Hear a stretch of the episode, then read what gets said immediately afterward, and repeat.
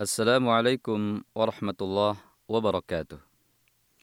Alhamdulillah rabbil alamin wassalatu wassalamu ala nabiyyina Muhammadin wa ala alihi wa ashabihi ajma'in.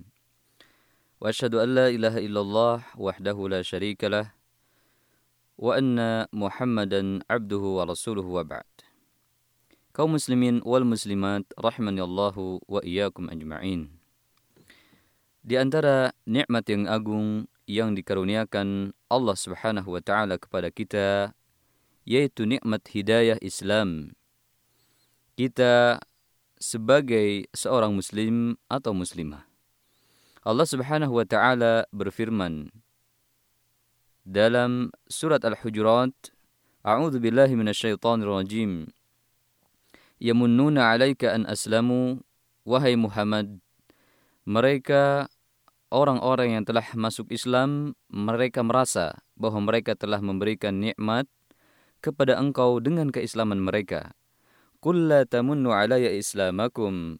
Katakanlah kepada mereka, wahai Muhammad, janganlah kalian merasa bahwa kalian telah memberikan nikmat kepadaku dengan keislaman kalian. Balillahu yamunnu alaikum an hadakum lil iman in kuntum sadiqin. Akan tetapi Allah lah Allah lah yang memberikan karunia kepada kalian dengan memberikan petunjuk kepada kalian untuk beriman jika kalian termasuk orang-orang yang jujur. Allah Subhanahu wa taala juga berfirman kepada Nabi Muhammad sallallahu alaihi wasallam bahwa Allah telah mengkaruniakan kepadanya Al-Qur'an dan agama Islam ini Kadzalika auhayna ilaika ruham min amrina. Demikian juga wahai Muhammad, kami telah wahyukan kepada engkau wahyu yaitu Al-Qur'an dari perintah kami. Ma kunta tadri mal kitab walal iman. Dulu engkau tidak tahu apa itu Alkitab, Al-Quran, dan tidak tahu apa itu iman, walakin ja'alnahu nuran nahdi bihi man nasha'u min ibadina.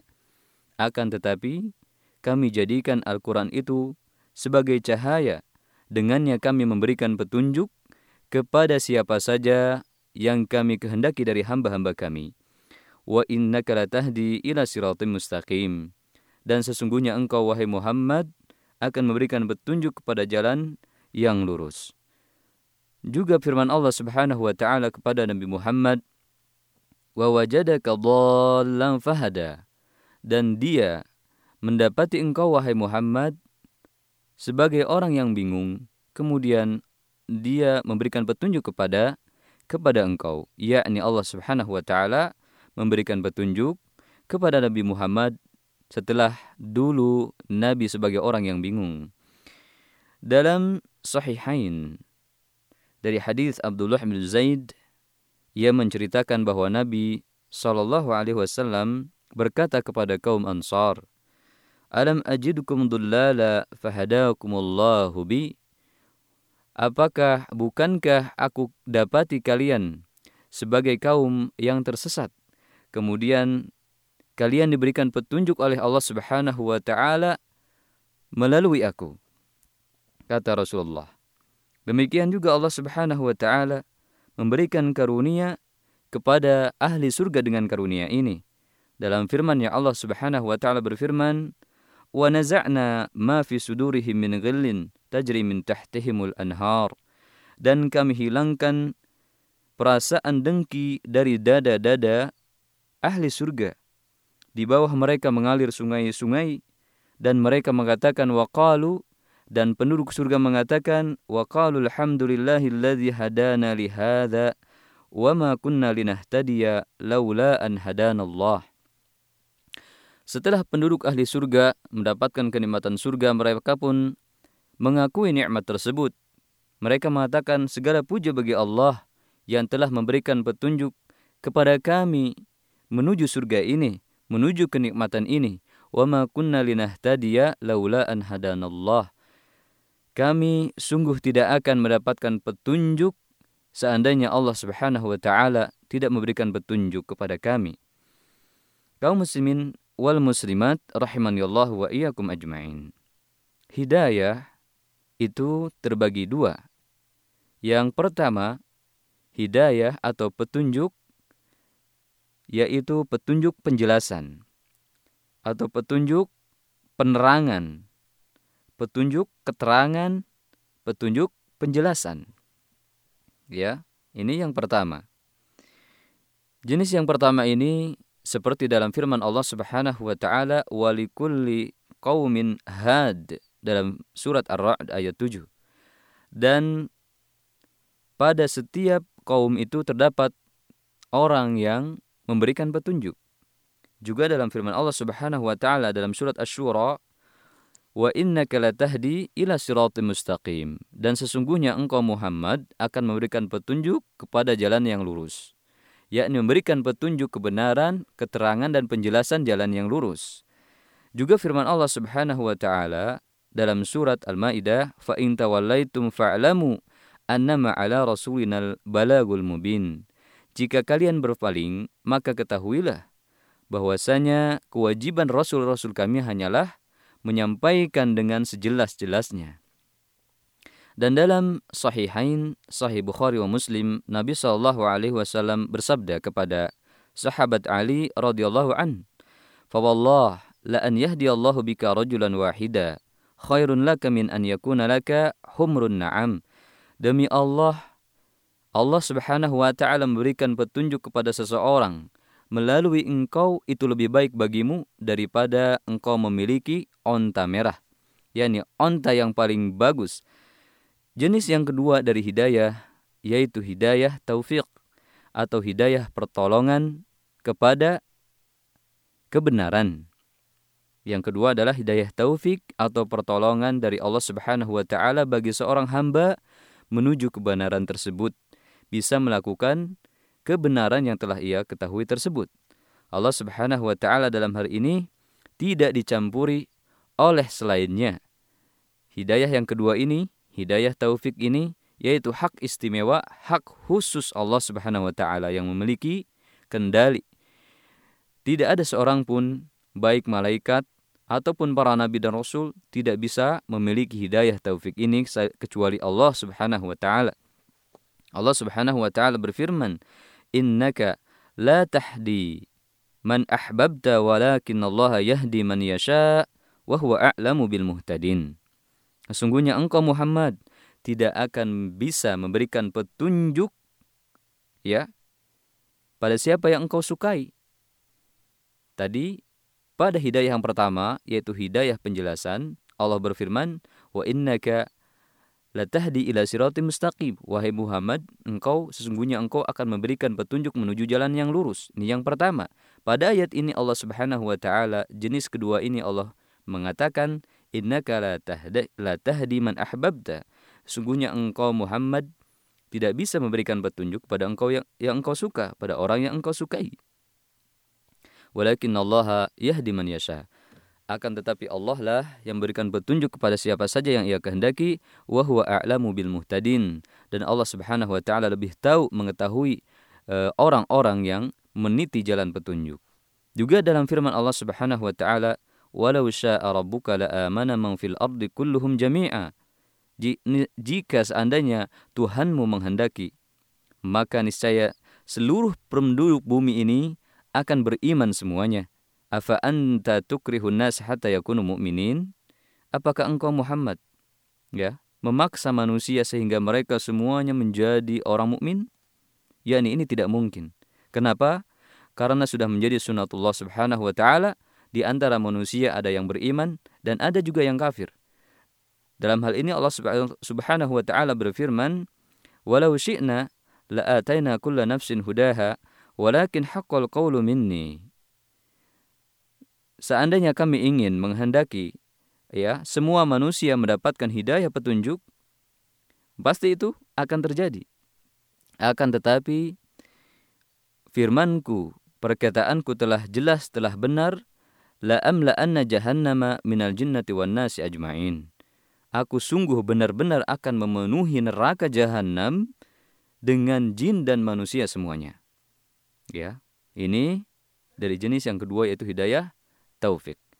Kaum muslimin wal muslimat rahimanallahu wa iyyakum ajma'in. Di antara hidayah yang lainnya juga yaitu Allah Subhanahu wa taala memberikan hidayah bagi seseorang untuk bisa melakukan amal-amal perbuatan yang soleh dan akhlak yang terpuji dalam pergaulannya bersosialisasi dengan masyarakat sesamanya.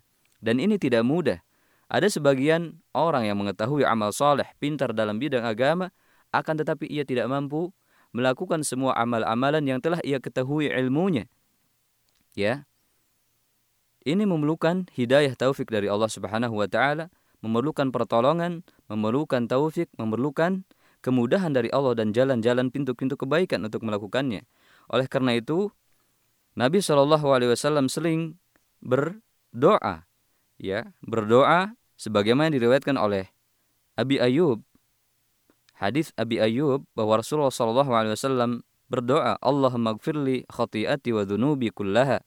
Ya Allah ampuni dosaku dan kesalahan-kesalahan semuanya. Allahumma an'imni wa ahyini warzuqni. Ya Allah, karuniakan kepadaku nikmat.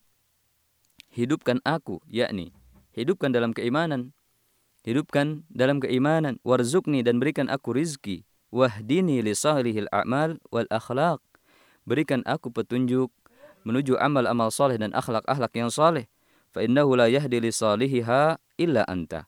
Sesungguhnya tidak ada yang bisa memberikan petunjuk menuju amal saleh dan akhlak saleh tersebut kecuali engkau wala yasrifu anta dan tidak ada yang bisa memalingkan keburukan akhlak tersebut dariku kecuali engkau. Juga di antara kenikmatan yang paling agung terhadap seorang hamba yang paling teragung adalah nikmat bisa menegakkan tauhid, mengamalkannya dalam kehidupan juga menjauhi kesyirikan. Kenapa? Karena seorang hamba yang bisa menegakkan tauhid, mengamalkan tauhid, mewujudkan tauhid dan menjauhi kesyirikan, maka ia merupakan hamba yang paling berbahagia karena ia akan mendapatkan keamanan dari Allah Subhanahu wa taala di dunia dan di akhirat. Allah Subhanahu wa taala berfirman, "Alladzina amanu wa lam yalbisu imanahum bidzulmin ulaika lahumul amnu wa hum muhtadun." Orang-orang yang beriman dan mereka tidak mencampuri keimanan mereka dengan kezaliman yakni kesyirikan, mereka itulah orang-orang yang akan mendapatkan keamanan dan mereka itulah orang-orang yang mendapatkan petunjuk. Allah Rasulullah Shallallahu alaihi wasallam juga sering sekali berdoa memohon hidayah kepada Allah Subhanahu wa taala. Kita lihat Nabi Shallallahu alaihi wasallam telah diampuni dosanya yang telah lalu dan yang akan datang dan telah dijamin maksud surga mengajarkan kepada kita bahwa beliau sangat sering sekali memohon kepada Allah Subhanahu wa taala hidayah. Sebagaimana doa beliau dalam diriwayatkan dalam hadis Ibn Mas'ud bahwa beliau sallallahu alaihi wasallam bersabda, "Allahumma inni as'aluka al-huda wat tuqa wal afafa wal ghina." Ya Allah, sungguhnya aku memohon kepada Engkau petunjuk, ketakwaan, menjaga kehormatan diri dari yang diharamkan serta kecukupan. Demikian juga Rasulullah mendoakan kepada para sahabatnya untuk mendapatkan petunjuk. Sebagaimana diriwayatkan oleh Jarir ibnu Abdullah bahwasanya ia ber apa namanya mengadu kepada Rasulullah Shallallahu Alaihi Wasallam ketika ia mengendarai kendaraannya dengan kendaraan kuda, ia tidak bisa mengendarainya dengan baik. Ia mengendarai kuda, menaiki kuda, tapi berjalannya tidak bagus. Maka beliau Jarir bin Abdullah mengadukan itu kepada Rasulullah. Maka Rasulullah pun mendoakan Jarir dengan doanya Allahumma sabithu waj'alhu hadian mahdiya. Allah, ya Allah, teguhkan dia dan jadikan dia orang yang berikan petunjuk dan orang yang sebagai orang yang bisa mendapatkan petunjuk. Demikian juga yang diceritakan oleh Abi Hurairah radhiyallahu anhu, ia berkata, diriwayatkan dari oleh diriwayatkan dalam Sahih Muslim bahwa Tufail bin Amr ad-Dausi sahabat Tufail bin Amr ad-Dausi dari suku Daus datang menemui Rasulullah Shallallahu alaihi wasallam bersama para sahabatnya. Tufail bersama para sahabat bersama para sahabatnya datang kepada Rasulullah Sallallahu Alaihi Wasallam. Ia mengatakan, wahai Rasulullah, sesungguhnya kaum Daus itu suka membangkang dan e, membantah. Maka doakanlah kepada mereka. Doakan fad'ullahu alaiha. Doakan kepada mereka azab sehingga mereka ditimpa azab. Maka Shallallahu Alaihi Wasallam pun berdoa untuk mereka. Kaum Daus ini, uh, Tufail dan para sahabat ini menyangka bahwa Rasulullah mendoakan keburukan bagi kaum Daus. Akan tetapi ternyata Rasulullah berdoa, Allahumma di Dausan wa tibihim. Ya Allah, berikanlah petunjuk kepada kaum Daus dan datangkan mereka kepadaku, yakni sebagai orang Islam. Demikian juga Rasulullah SAW berdoa dengan doa memerintahkan kaumnya, umatnya, para sahabatnya untuk berdoa dalam sabdanya, Kul Allahumma hdini wasaddidni. Katakanlah, doakanlah, ucapkanlah doa, Ya Allah, berikan aku petunjuk dan selalu perbaiki diriku. Wadkur bil huda dan sebutkanlah petunjuk ya sebutkanlah petunjuk yang diinginkan seperti petunjuk petunjuk jalan jalan yang lurus dan seperti pembenaran atau e, ketepatan seperti tepatnya perbuatan e, ketepatan dalam perbuatan seperti tepatnya anak panah pada sasarannya demikian pula dalam sebuah hadis yang diriwayatkan oleh dibawakan oleh Al-Bara bin Azib Al-Barra bin Azib berkata, "Ra'aitu Nabiyya sallallahu alaihi wasallam yaumal Khandaq wa huwa yanqulut turab." Saya melihat Nabi wasallam pada perang Khandaq, beliau ketika itu memindahkan tanah-tanah, yakni ketika menggali menggali ya, parit dalam perang Khandaq, hatta warat turabu sadrihi, sehingga tanah-tanah itu bisa menutupi bulu-bulu dada Rasulullah wasallam. Wa kana rajulan katsira sya'ar. Dan Rasulullah itu orang yang banyak bulunya dadanya. Dan ketika itu Rasulullah mengatakan atau menguntaikan sebuah syair, Allahumma laula anta mahtadaina. Ya Allah, seandainya tidak engkau, niscaya kami tidak akan mendapatkan petunjuk. Wala tasaddaqna wala solaina. Kami tidak akan bisa bersedekah dan kami tidak akan melakukan sholat. Fa'anzilan sakinatan alaina. Maka turunkanlah kepada kami ketenangan. Wa thabbit al-aqdam in laqaina. Dan teguhkanlah pendirian kami ketika kami bertemu dengan engkau. Innal a'da'a qad baghaw alaina sungguhnya musuh-musuh itu telah berzalim telah menyerang kami. Idza aradu fitnatan abaina. Jika mereka para musuh-musuh itu menghendaki fitnah menghendaki malapetaka maka kami akan melawannya atau menolaknya. Syekhul Islam rahimahullah berkata seorang hamba itu sangat pasti ya selalu terpaksa atau pasti harus ya selalu membutuhkan hidayah Allah Subhanahu wa taala menuju jalan yang lurus. Ia juga tidak ada tidak akan mendapatkan keberhasilan atau keselamatan dari azab dan ia tidak akan sampai kepada kebahagiaan kecuali dengan hidayah dari Allah Subhanahu wa taala. Dan petunjuk ini tidak akan didapatkan kecuali dengan dengan petunjuk dari Allah Subhanahu wa taala.